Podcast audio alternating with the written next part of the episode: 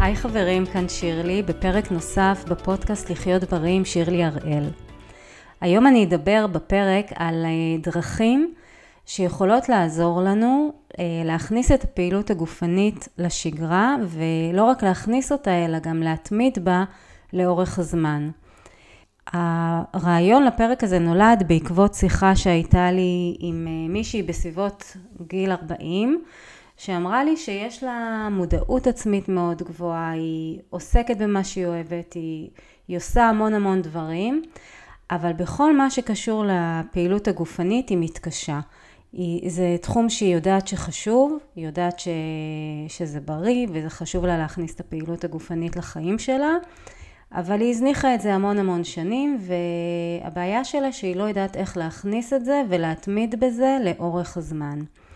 עכשיו היא לא היחידה, זה נושא שעולה הרבה גם עם המתאמנים שלי, למעשה אה, חלק גדול מהמתאמנים שלי הם אנשים שהבינו את החשיבות של פעילות גופנית, הם רצו לעשות פעילות גופנית, הם ראו שהם לא מצליחים לעשות את זה לבד, ואחת הדרכים שהם הצליחו להתמיד היא על ידי אה, אימונים אישיים.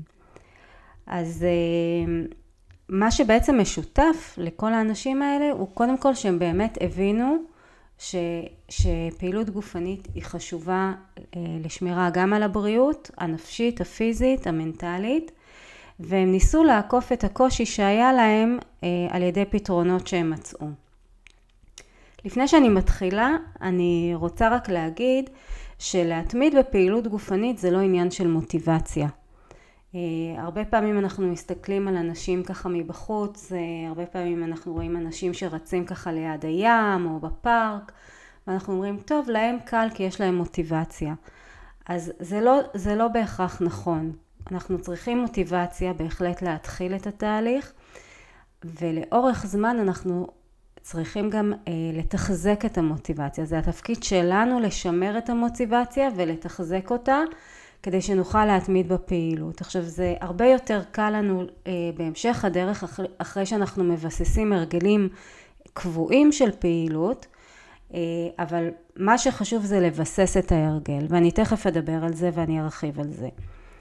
אז קודם כל נקודת הבסיס שלי היא שאותה אני רוצה גם שנאמץ, שפעילות גופנית היא לא עניין של מותרות או היא לא עניין של משהו שכדאי לי לאמץ, אלא היא משהו שאנחנו, אם אנחנו רוצים לחיות בבריאות טובה ולאורך זמן, אז זה משהו שהוא הכרחי לשלב אותו באורח חיים שלנו.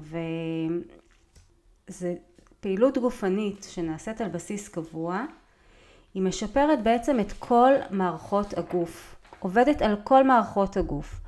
וזה אומר גם על המערכת של הלב ריאה וגם על כלי דם ואפילו אפילו ועל המערכת החיסונית, על כל מערכות הגוף, אפילו על תפקוד המוח. וכולנו יודעים, גם מי שעושה פעילות אה, שהוא לא הצליח להתמיד בה, אבל גם אחרי פעילות אה, שהיא קצרה, אנחנו הרבה פעמים מרגישים שיש לנו יכולת מיקוד יותר גבוהה, הרגשת יותר טובה, זה משפיע לנו על מצב, על מצב הרוח, הפרודוקטיביות שלנו עולה, היכולות הקוגניטיביות שלנו עולות, כלומר כל מערכות הגוף כולל תפקוד המוח בעצם משתפרים כתוצאה מפעילות גופנית.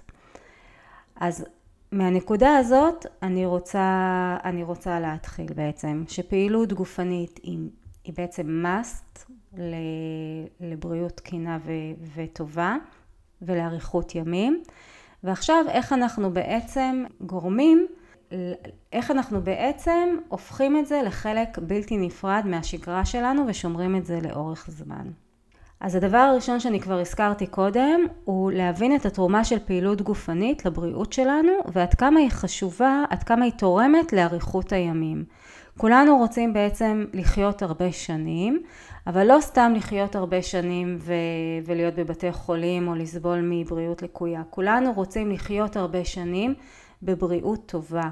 להיות, אה, אה, להרגיש, להיות עם עצמאות תפקודית, עם, עם אה, יכולת קוגניטיבית גבוהה, להמשיך לעשות את הדברים שאנחנו אוהבים לעשות ו, ובמלוא המרץ. כל הדברים האלה מתאפשרים בעזרת פעילות גופנית קבועה. עכשיו, חשוב לי להגיד שגם לא משנה כרגע באיזה נקודה אנחנו מתחילים. כלומר, יש כאלה שיתחילו מנקודה שהם, יש, שהם עושים פעילות, יש כאלה שלא עושים בכלל פעילות. זה לא משנה כרגע מאיזה נקודה אנחנו מתחילים, תמיד אנחנו יכולים לשפר, תמיד אנחנו יכולים לשפר אה, ולשדרג את הפעילות שלנו. אה, הנקודה השנייה זה שלפני שאנחנו מתחילים בפעילות, חשוב להשקיע אה, חשיבה באיזה פעילות כדאי לנו להתחיל. וזה אומר קודם כל לחשוב מה המטרה שלנו. האם אני רוצה לשפר את הסיבולת לב ריאה? האם אני רוצה להגדיל מסת שריר?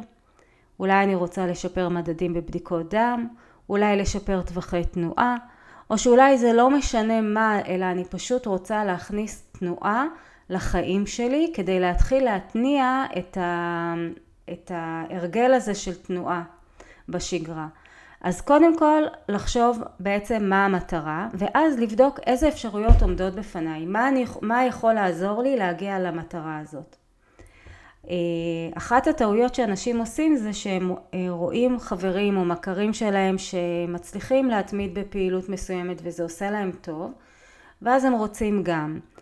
אבל תבדקו באמת קודם מה המטרה, האם זה מתאים לכם, תלכו לשיעור ניסיון, תראו בכלל אם סוג הפעילות הזאת אה, נעים לכם, אם הוא טוב לכם, אם אתם מתחברים למקום, אם אה, מבחינת שעות פעילות ומרחק זה מתאים לכם, אם אתם מתחברים למדריך שמעביר את הפעילות, זה גם, כל הדברים האלה הם דברים מאוד חשובים שמאוד משפיעים על מידת ההנאה שלנו מהפעילות ו, ועד כמה נתמיד בה. אז, אז פה באמת לבדוק קודם כל, להשקיע טיפה חשיבה לפני שאנחנו מתחילים מה המטרה שלנו, מה אנחנו רוצים להשיג ואיזה סוג, סוגי פעילות, פעילויות באות בחשבון. הנקודה הבאה היא להתחיל בהדרגה ולחגוג את הניצחונות שבדרך. עכשיו, כולנו מכירים מצבים שבהם התחלנו להתאמן במלוא המרץ, היינו all in ומלא מלא אה, פעמים הלכנו או לחדר כושר או לסטודיו, עשינו כל יום כמעט פעילות ואז באיזשהו שלב או שהתעייפנו פיזית או שחטפנו התכווצות שרירים חזקה שהחלטנו להפסיק. העניין הוא שהרבה אנשים בשלב הזה מפסיקים לגמרי, מתייאשים ומפסיקים לגמרי. אה, ופה חשוב, זו הסיבה שחשוב להתחיל בהדרגה, לא בבת אחת במלוא המרץ, אנחנו צריכים לחשוב על הטווח הארוך, לא על טווח קצר.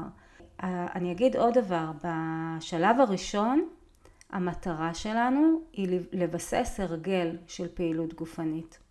כלומר, להופיע באותם ימים שקבענו, באותן שעות שקבענו, ש, שזה יהיה משהו רגיל הנושא הזה של פעילות. ברגע שאנחנו נבסס הרגל של פעילות, אז נוכל אה, גם להגביר אולי את הכמות, אולי את הקצב, אה, אולי נוסיף עוד סוגי פעילויות, אבל השלב הראשון הוא להתחיל בהדרגה ולבסס הרגל של פעילות גופנית.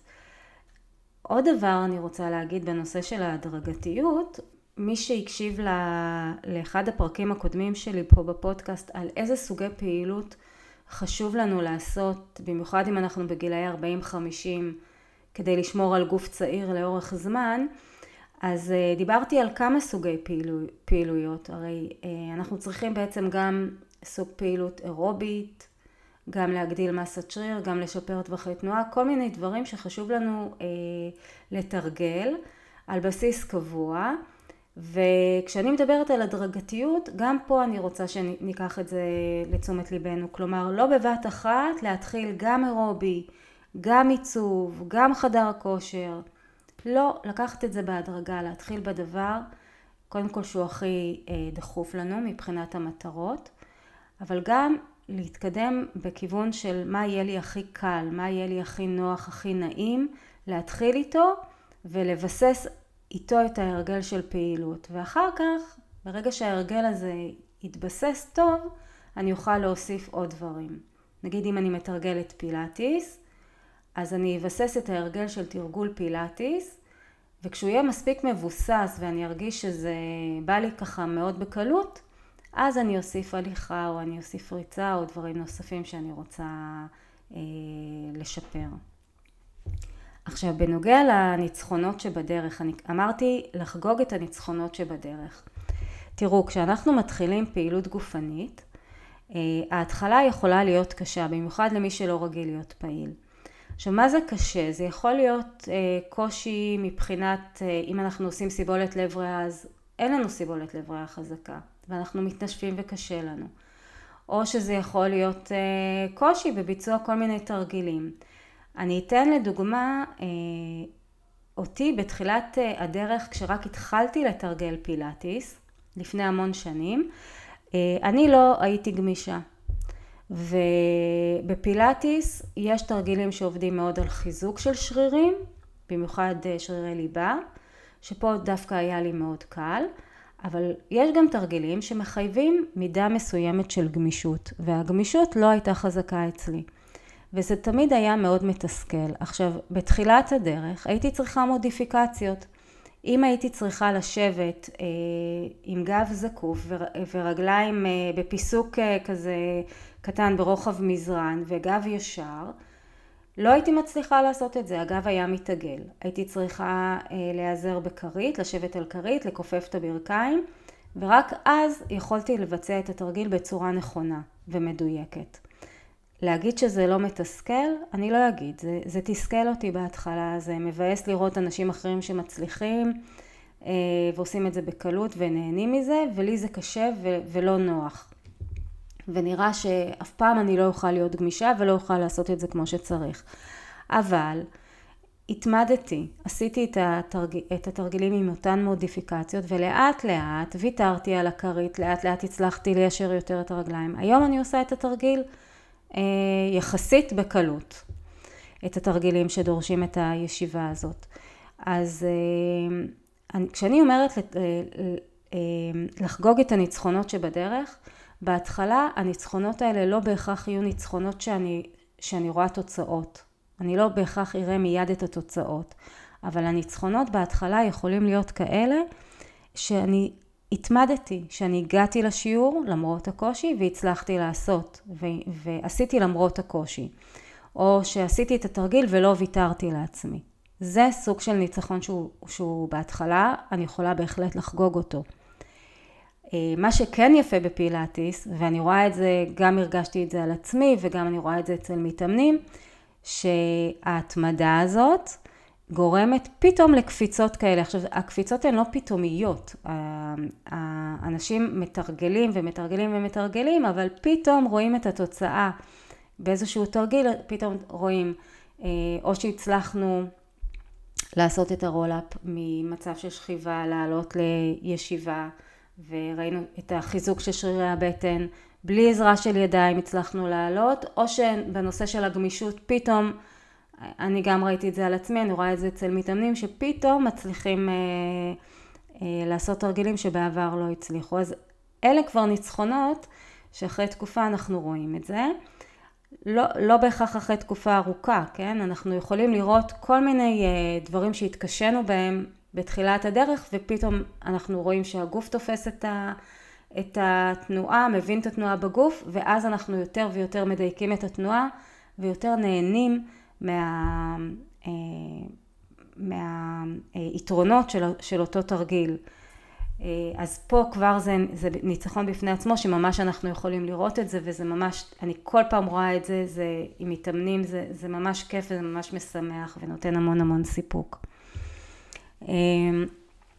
הנקודה הרביעית, אה, שחשוב שנדייק ונבדוק חלופות גם אם משהו משתבש. עכשיו תראו, יש דברים אה, שהם, לא, שהם צפויים.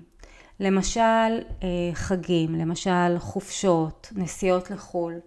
אלה מצבים שאנחנו יודעים עליהם מראש. ואז אנחנו יכולים להתכונן. אז במצב כזה, אם אני יודעת שיש לי אה, איזושהי נסיעה לחו"ל, אני אנסה לתזמן לי את השיעורים או את הפעילות לזמן ש, שכן מתאים לי, לפני הנסיעה, אחרי הנסיעה. בזמן השהייה בחו"ל, הרבה פעמים אנחנו הולכים המון ברגל, שזה גם פעילות מעולה. אז איפה שיש לנו אפשרות לתכנן, אז לא להיות מופתעים, לתכנן מראש, זה דברים שהם צפויים ואנחנו יודעים אותם מראש. יש אה, מצבים שהם לא צפויים. פה אני רוצה לתת דוגמה של שני מתאמנים שלי שפתאום גילו אה, שיש להם דורבן בכף הרגל. דורבן זה מצב של אה, דלקת ברקמת החיבור באזור של העקב. ומה שזה גורם, זה גורם לכאבים בזמן הליכה. עכשיו, אה, מה ששני המתאמנים האלה עשו, הם היו רגילים לעשות הליכון בחדר כושר. עכשיו, בגלל הדורבן, כואב להם, הם לא יכולים ללכת. הם יכולים ללכת, אבל אי אפשר ללכת הליכה מרובה, כי זה רק מחריף את הכאב. ולכן מתאמנת אחת בחרה אה, באופציה של אופני כושר, והמשיכה לעשות אופני כושר. המתאמן השני שלי בחר באופציה של סטפר, ועשה סטפר. המשותף הוא ששניהם לא ויתרו. כל אחד מהם אמר, אוקיי, יש לי את המצב הזה של דורבן, אני אטפל בזה אה, באופציה של אה, אה, מתיחות, יש כל מיני טיפולים, אה, פיזיותרפיה, כל מיני טיפולים שאפשר אה, לעשות כדי להקל על הכאב, אבל הם לא ויתרו על הנושא של פעילות אירובית שהם היו רגילים אליה, פשוט החליפו במקום הליכון, שכרגע זמנית הם לא יכולים לעשות, הם לקחו אופציה אחרת אה, שתשרת את אותה המטרה. אז זהו, אז בעצם אה, זה הנושא של ה mindset הזה של אם משהו פה ישתבש, לחשוב איזה דברים אחרים אני יכולה לעשות כדי אה, שישרתו לי את אותה המטרה. עכשיו זה מתקשר גם לנקודה הבאה שאני רוצה לדבר עליה, שהיא, שאנחנו צריכים לסדר את הכל או למצוא לנו פתרונות ככה שהם יתמכו בהצלחה שלנו. עכשיו תראו, בטוח, כמו שאמרתי קודם, כולנו היו מצבים שהתחלנו ככה במלוא המרץ ואז באיזשהו שלב הפסקנו. עכשיו בואו נבחן בעצם למה הפסקנו, מה גרם לי להפסיק. ואז כשאנחנו יודעים מה גרם לנו להפסיק או מה הקושי שלנו הרבה פעמים ב- בלהתחיל לבצע את הפעילות, מהמקום הזה אנחנו יכולים למצוא חלופות ולעקוף את הקושי כדי להצליח. עכשיו אני אתן פה כמה דוגמאות. אה, אני נתתי קודם את הדוגמאות של המתאמנים שלי, שזוג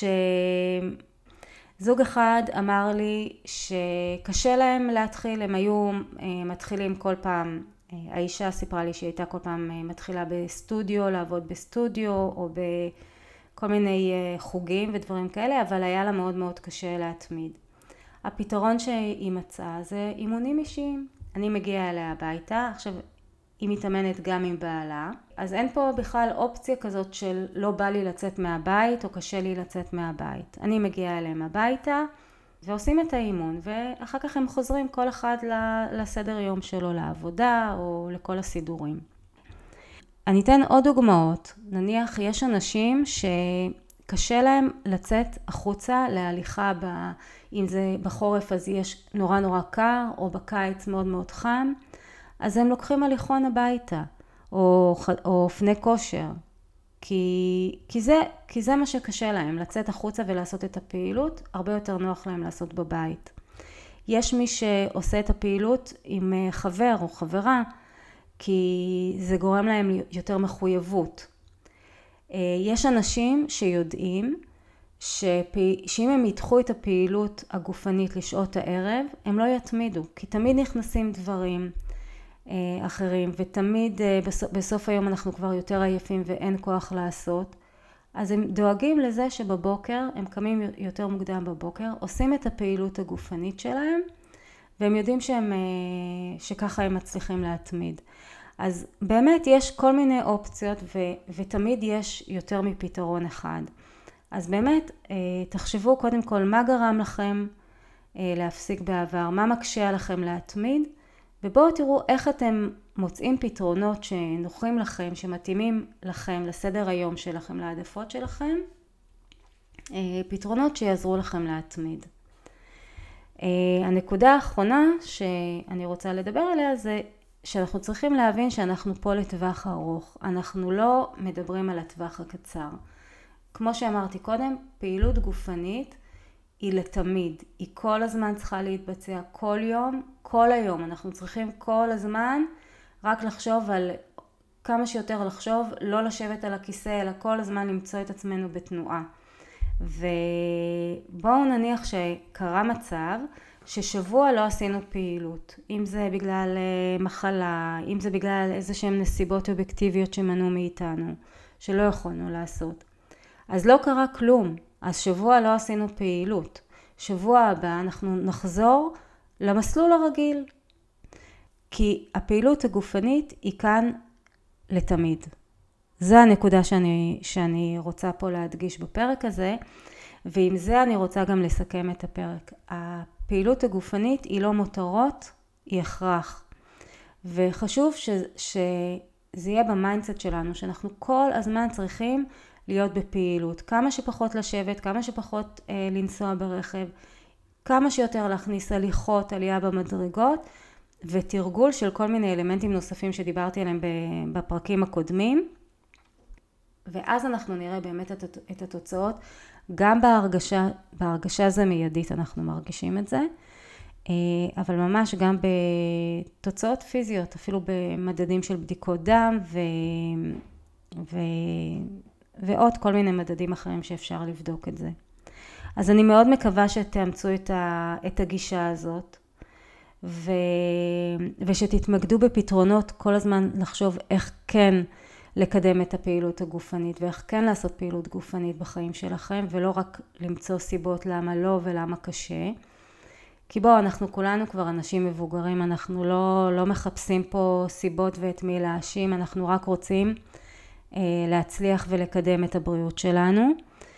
תמיד אפשר לשפר, תמיד אפשר אה, לעשות יותר.